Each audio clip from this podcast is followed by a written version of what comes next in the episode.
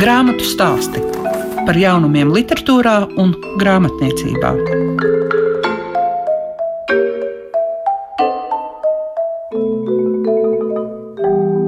Esiet sveicināti ik viens, kas šobrīd klausās klasiku, tātad arī grāmatu stāstus. Un es liegu piešiņu šodien ļaušu jums dzirdēt Ramonu Indriksoni, jo viņai iznākusi grāmata Es biju cita. Vērtēsim Viļa Selecka romānu Ar dievas mežam, kā arī iepazīsim Sūzijas Orbahas ķermeņi. Grāmatu stāsti tiem, kam grāmatu lasīšana ir vērtība. Šīs dienas grāmatas stāstos varēsiet dzirdēt Ramonu Indriksonu. Pirms kāda laika viņa iznāca grāmata pāris metru zem ūdens, un tagad mēs varam teikt par jaunumu ar nosaukumu Es biju cita. Ramona, tas ir sadzīvisks romāns. Tā ir šodiena, bet ar gaišumu pieskaņu. Tā es raksturošu jūsu grāmatu. Jā, tāpat es arī līdzīgi domāju, ka gaišuma pieskaņa, jā, jo man pašai tā būtība, ka es visu cenšos saskatīt arī cilvēkos negatīvajos tēlos, viņus veidot nu, kaut kādu gaišumu, kaut ko labu viņos pamanīt. Kā jums radās ideja un kas ir galvenais šajā es biju cita? Nu, ideja jau te ir diezgan pasena. Tas jau bija 17. gads, bet tas nebija es biju cita. Tad bija līdztekus maniem īsajiem stāstiem, kad es mācījos akadēmijā un jau tur punktumā bija publicēti. Es domāju, kaut ko apjomīgāku vajadzētu sākt. Un tam man bija tā kā divi jauni cilvēki, tā kā viņu dzīves, un es tos liku kopā, it kā tādus ēpastus viņi sūta vai tu blogi viņiem, bet tas bija tā, ka tu sanāci laikam pa daudz detaļu, pa daudz līniju, pa daudz tēlu, un tas iedeva tu beta lasītājiem saviem, un tam man teica, nu pamēģini kaut ko bišķīt, kaut ko nomest nost, tas būtu tā, kā tev iedotu lielu ūdens kannu tādu, un tev būtu vienā glāzē jāielai ūdens no tās kannas, nu mēģini mazāk. Tas bija 18. gada mais jau, tas bija mana sociālā dienesta kabinets, tas bija bija tāds atelpas moments. Uz mana galda bija iesniegumi, anketas, un es pati tā sāku domāt, iesniegumi, nu, iesniegumus, kam iesniedz. À, nu, iesniegumus arī iesniedz policijā, kaut gan tas nesaistījās ne manu dienestu, neko pilnīgi tukšas iesniegumu veidlapas. Un tā man pēkšņi nāca ideja, policija ir pazudusi meitene, kāpēc viņa ir pazudusi, kāpēc kāpēc tas viss ir noticis, un viņas dzīve man tā kā bija jāizstaigā atmiņās. Nu, viņa tur pazudusi, viņu meklē, un tā, tā pakāpeniski es gāju viņas pagātnē, tās betas no desmit gadu vecuma, viņas tās vecākus, viņas tās atmiņas vecās, ievainojumus, sāpes, un kā viņa nonāca līdz tai lietai, ka viņa aizbēga. Cik jums pašai ir svarīga personiskā pieredze, citu pieredzētais, darbā redzētais, un kā jūs to spējat arī tā savienot kopā ar savu literāro darbu?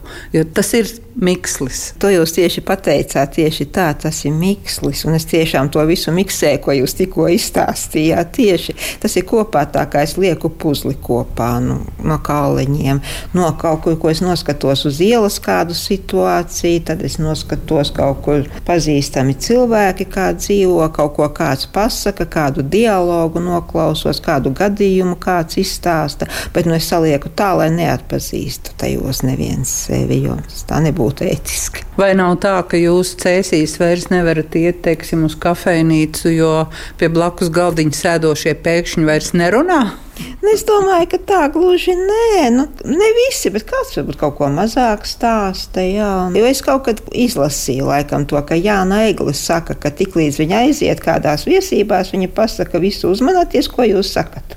Jo tas viss tiks piefiksēts manos stāstos. Iespējams, ka tiks piefiksēts. Nu, man arī laikam tā jāsaka. Pievērsīsimies varbūt arī tai literārai pusē. No vienas puses, es gribētu zināt, piemēram, kāds jums ir tas dienas ritms, lai jūs vispār sāktu rakstīt. Nu, tagad šos divus gadus es mājās dzīvoju. Ļoti labi baudu dzīvi un atļaujos visu piepildīt, ko es vēlos. Es tā ceļos ap kādiem pusastoņiem. Un tad arī tas tā paiet līdz kādiem 11. laiks. Jā. To laiku jūs rakstāt? Jā, tā tad no 8 līdz 11. 11. Jā, vai pus 12. pat ievēlkās, ka ļoti. Bet nu, tad, ja jau fiziski nav tik viegli nosēdēt, ja es jūtu kaut ko sāktu skausts sāpēt un jāpiskustās man. Un... Vai jūsējie ir pieņēmuši to, ka jūs esat rakstniece? Domāju, ka jā. jā. Kāda ir reakcija, kādi ir komentāri? Nē, nu, laikam jau patīk. Nē, nu, man ir vienīgi žēl, ka man vecāka nav dzīva. Tēvam ļoti patiktu. Tas man liekas, tas bija viņa tāds viņa nepiepildītais sapnis, un tagad es to esmu piepildījusi. Vai mēs jūsu gadījumā varam runāt par rakstnieka gēnu? Es tā domāju, ka jā. Jo tas nāk jau paudzēs. Tēvs mans, te viņa tēvs, ko es diemžēl neesmu piedzīvojis, jo viņš mans tēvs savam tēvam piedzīvoja ļoti lielā vecumā, pēc 50 gadiem. Jā. Nu, jā, tikai es zinu, ka viņa Nacionālajā bibliotekā uzgājis viņam 908. gadā izdotos jeb pseidonīmu dzējoļus. Tā bija šī palasījusi. Tur bija gan dzējoļi, gan ceļojums uz Somiju, piezīmes un tā. Un tad ir vēl šādas tādas publikācijas, jā, nelielas. Bet nu, tas arī kaut ko ir noklusis, jo tas vectēvs ir politikā aizgājis 19. gadā un tā liepājā tieši, un tad savās lauku mājās, un tad viņš ir tālāk baznīcā kalpojis savu dzīvi. Vīlies bija politikā. Nu, cik es to izlasīju viņa piezīmēs, es ļoti maz ko zinu, man ir ļoti maz kas stāstīts, es maz esmu jautājis, un tas aizgājis līdzi viss. Un man nav neviens, kam pajautāt. Bet tas attīstās tādējādi, ka jūs rakstāt, jo jūs jau arī nesākāt kā Jā. zaļš gurķis. Nu, nē, nu es jau kā uz teicu, jau esmu iesākusi ļoti sen, jau pusauģu gados, tikai es to visu slēpu atvilknē.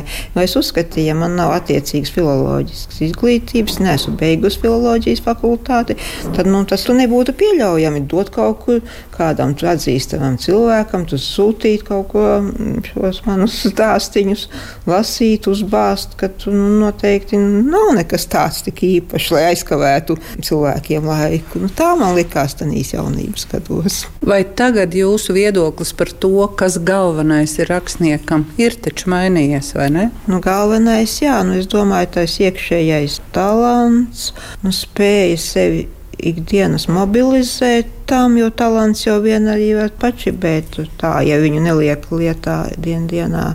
Un vēl tāda spēja būt atklātam, patiesam neko netēlot, to, kas nav, nu, neizdomās, neizpatikt. Varbūt, patiks lasītājiem kaut kas viegls. Bet ir taču ļoti svarīga šī psiholoģiskā tēlu izpēte un veidošana. Nu, iespējams, ka tas man ir gan dabas dots, gan es esmu kaut ko pamācījusies. Sociālajā jomā ir daudz bijušas visādas apmeklētas mācības, kas bija nu, ik gadus pat bija obligāti, ik mēnesi jāapmeklē visādas. Kā kapelāna mācībās, un to es pati savu iniciatīvu, tas bija 2006. pie Danas Kalniņa zaķis mācījos, kas man daudz deva tieši cilvēku aktīvo klausīšanos un tā cilvēkā, kā saskatīt viņas sāpes. Nu, jā, nu, tur bija tāds dialogs slimnīcā, ka es iegāju plaušu nodaļā, man tur aizsūtīja. Cilvēks saka, man neko nevajag, es esmu nolietojums, man uz kapiem tikai aizsūtīt, un vispār ejiet, ko jūs te meklējat pie manis. Nu, tā, un tā es domāju, nu tā nu gluži nav. Un es teicu, lai pastāst kaut ko par sevi, un tad viņš sāk tas sadzīves lietas, kas viņu nomāca, tur dēls, un tur dzīvoklis bija līzingā ņemts ņemts, naudas nebija un vēl citas lietas. Un tā viņas sieviete bija mīļotā aizgājusi. Un tad es tur gāju vēl pie medmāsas un jautāju to diagnozi. Teica, ka tas vidēji smags augšu elpošanas ceļu iekaisums tikai viņam. Nu, nav tur plaušas tik dziļi nekas, un ka tas būs viņam uz manipulācijām jāiet un tā. Un tas pie viņa atkal aizgāja. Viņš teica, neviens te nenāk un viss, un viss, un manas dienas ir skaitītas. Un aizvien tā tuvāk, tuvāk, tad viņš tā sāk atklāties, un beigās jau viņš teica, jūs ienācāt un man sauli atnesāt. Viņš bija diezgan laimīgs, izstāstot savu dzīvi, kā viņam tur. Tas viņam tur nebija vedies. Un tā, un tas viss tas psihosomatika, kā saka, tās slimības, iespaidot tas paša, tas negatīvais, varbūt psihiskais stāvoklis. Viņš nevēlējās sākumā to atklāt. Tā, tā lēnām mēģināja. Vai nav tā, ka ļoti daudzas mūsu nelaimes cilvēku attiecībās ir tāpēc, ka mēs neprotam sarunāties un mēs neprotam klausīties. Tieši tas, ka klausīties, tad bieži liekas, ka kādā svešvalodās tu jau tam jāpiesauc visiem zināmās ziedoņa, tā epifānija pa stāviem. Bet tikai to, ka es kādam pasaku, tad tūlīt apvainojas. Un saka, nu jā, es jau dzīvoju lejā, un tu jau tur augšā dzīvo. Nu tā, tūlīt atkal pat tanī viņi savādāk to visu saskatīja. It kā sevi paaugstina un citu turpat, bet tā nav. Nu, tiešām neklausās. Ko mums tur darīt? Lasīt arī jūsu grāmatu, es biju cita. Jā, es būtu ļoti pateicīga lasītājiem, ja lasītu, ja, lasītu, ja uzņemtu to, ja neliktos pa daudz smagi. Tas viss, tas meitenes dzīves stāsts, jo es centos jau ļoti gaiši paskatīties uz viņu. Kura no varonēm ir jums pašai tuvāka? Nu, pati meitene, bet jo es viņu izlaidu tā kā saka, ļoti emocionāli piesaistījos. Es biju cita, jo man pašai patīk būt citai. Tas jau man no seniem jaunības laikiem, kad es izlasīju Zigmunds Kuiņa kailumu, ka tur meitene aizsūta citas meitenes bildi, uzdodas par citu, jo viņai liekas, ka viņa nepatiks tāda kā viņa. Un tas puisis jau tāpat, viņš nebija dzēnieks, viņš Arī bija tāds ikdienišķis puisis un uzdevās par citu. Un tas ļoti skumji beidzās. Tas stāsts. Tā kaut kā liekas aizslēpties aiz kāda cita vieglāk. Bet jūs jau pati to savā dzīvē esat darījusi. Nu, jā, tā ir bijis. Pēc es domāju, ka nu, tā no malas paskatīties, kā to uzņems to citu, nu, tā jau neesmu. Es, es jau tik paskatos uz sevi. Grāmatā jau vienmēr ir šis spēles moments, bet cik svarīgi ir arī dzīvē prast spēlēt. Tas dzīvi padara vieglāku. Nu, spēles jau visas vienādas. Tur vācu lingvistikas filozofs Ludvigs Wittgensteins saka par spēlēm, ka visas spēles ir pilnīgi vienādas. Kalda spēles, bumbu spēles jau visos ir vienas un tās pašas detaļas. Ir sacensība, sāncensība, zaudējumi. Un šeit es pēkšņi skatos, ka Beta saka, Tādēļ es biju cits. Es vēlos izdomāt tādu spēli, kur neviens nezaudētu, kur nebūtu jāsacenšas, kur būtu manas fantāzijas un manas sapņi tikai. Tādu spēli. Tas ir tas, ko jūs varat arī par savu grāmatu teikt. Jā, lai nebūtu šo zaudējumu. Kas ir visprecīzākā jūsu auditorija šai grāmatai? Es biju cita. Es domāju, ka visdažādākā vecuma tā būtu. Es domāju, jauniešiem vajadzētu arī vecākiem, tieši. Es domāju, iespējams, pat vecākiem labāk nekā jauniešiem, lai paskatītos uz savām dzīvēm. Uz savām kļūdām? Uz kļūdām, jā, kā dzīvojām. Jo bieži jau vien tā neiedomājās, tādās kļūdās neieiet. Tā domā, ka tikai nu, jādzīvo nost, un tu tur, un ka psihologi tie ir tikai tādi nu, nu, izklaide, neko jau tu viņš, ko viņš tur mani pamācīs. Ir tā teikuši. Kas ir tas, ko jūs pati šobrīd lasāt, ko jūs ieteiktu saviem draugiem? Es pati nesen izlasīju kaut ko ļoti līdzīgu, kas saistījās ar lūkšanas nolaupītajām. Es viņu nekad nebūtu lasījis, nebūtu Facebookā izlasījis vienu atsauksmi, ka nepatika, tāda valoda viegla un tā, un tas tieši man pamudināja lasīt. Tur bija tāds mūsdienu Meksika. Es nezinātu, ka tā mūsdiena, jo tekstā bija tādas detaļas kā iPhone, iPod. Domāju, tas ir 19. gadsimts, ka tā tik viegli var paņemt meiteni aizvest, nolaupīt, nu, iesaistīt seksa biznesā. Bet tas dokumentāls stāsts, kā, tas izskanēja arī tēma smaga, sāpīga, bet tik gaiša, arī tādā gaišā noskaņā. Ļoti skaisti tādi salīdzinājumi, ļoti laba valoda. Nu, tā ļoti patīk. Grāmatu stāsti programmā Klasika.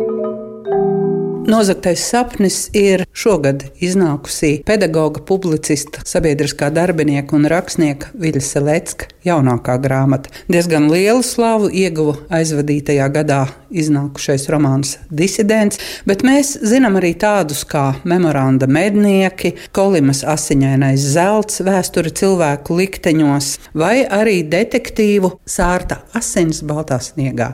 Bet šīs dienas grāmatu stāstos dažas minūtes par Vilsa Lecka romānu Ar dievas mežam.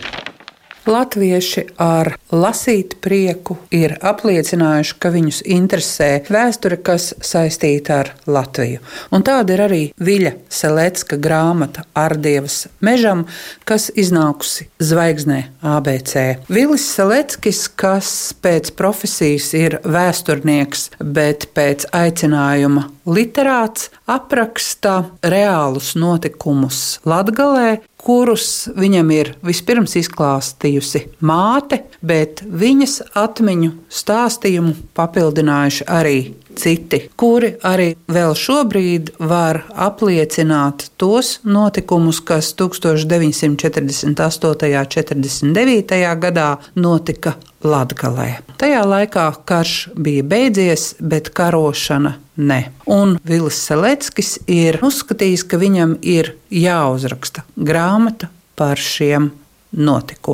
Sarežģīta un pretrunīga ir grāmatas varoņa dzīve, un šeit līdzās mīlestībai ir arī nodevība, ir izdzīvošana. Un grūti ir gan tiem, kuri pauž savu pārliecību, un grūti ir arī tiem, kuri vēlas palikt neitrāli. Autors ir iedziļinājies cilvēku dvēselēs, un šķiet, ka pateicoties savai vēsturnieka profesijai un izpētītajiem materiāliem, viņš to var izdarīt daudz labāk. Ko lai dara, ja brīžam glābiņš, lai izdzīvotu, ir mežs un nacionālo partizānu spektrs ir bezgala dažāds. Tie ir gan cilvēki, kas vēlējās diskreditēt partizānus, gan arī tie, kas savas pārliecības pēc cīnījās. Grāmatu stāsti programmā Klasika. Tūlīt jūs varēsiet dzirdēt Renāti Punku, kura stāstīs par Sūzijas Orbahas grāmatu ķermeņi. Jā, nu, grāmata par ķermeņiem ir sarakstījusi viena no plašāk pazīstamajām brītu psiholoģiem un psihiatrēm, Suzija Orbaha.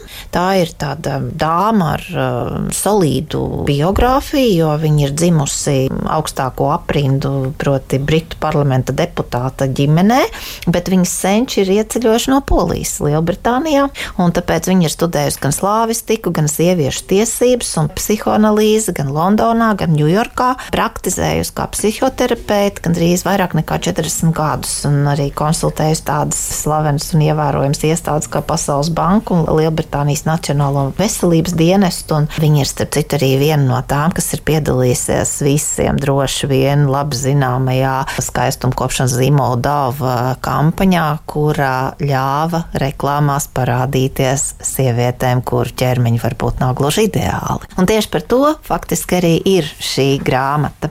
Orbaks slavenākā paciente ir eh, savulaik bijusi arī princese Diana, kur, kā mēs zinām, cieta no bulimijas, un Suzija Orbaha viņai ir palīdzējusi ar šo problēmu eh, cīnīties.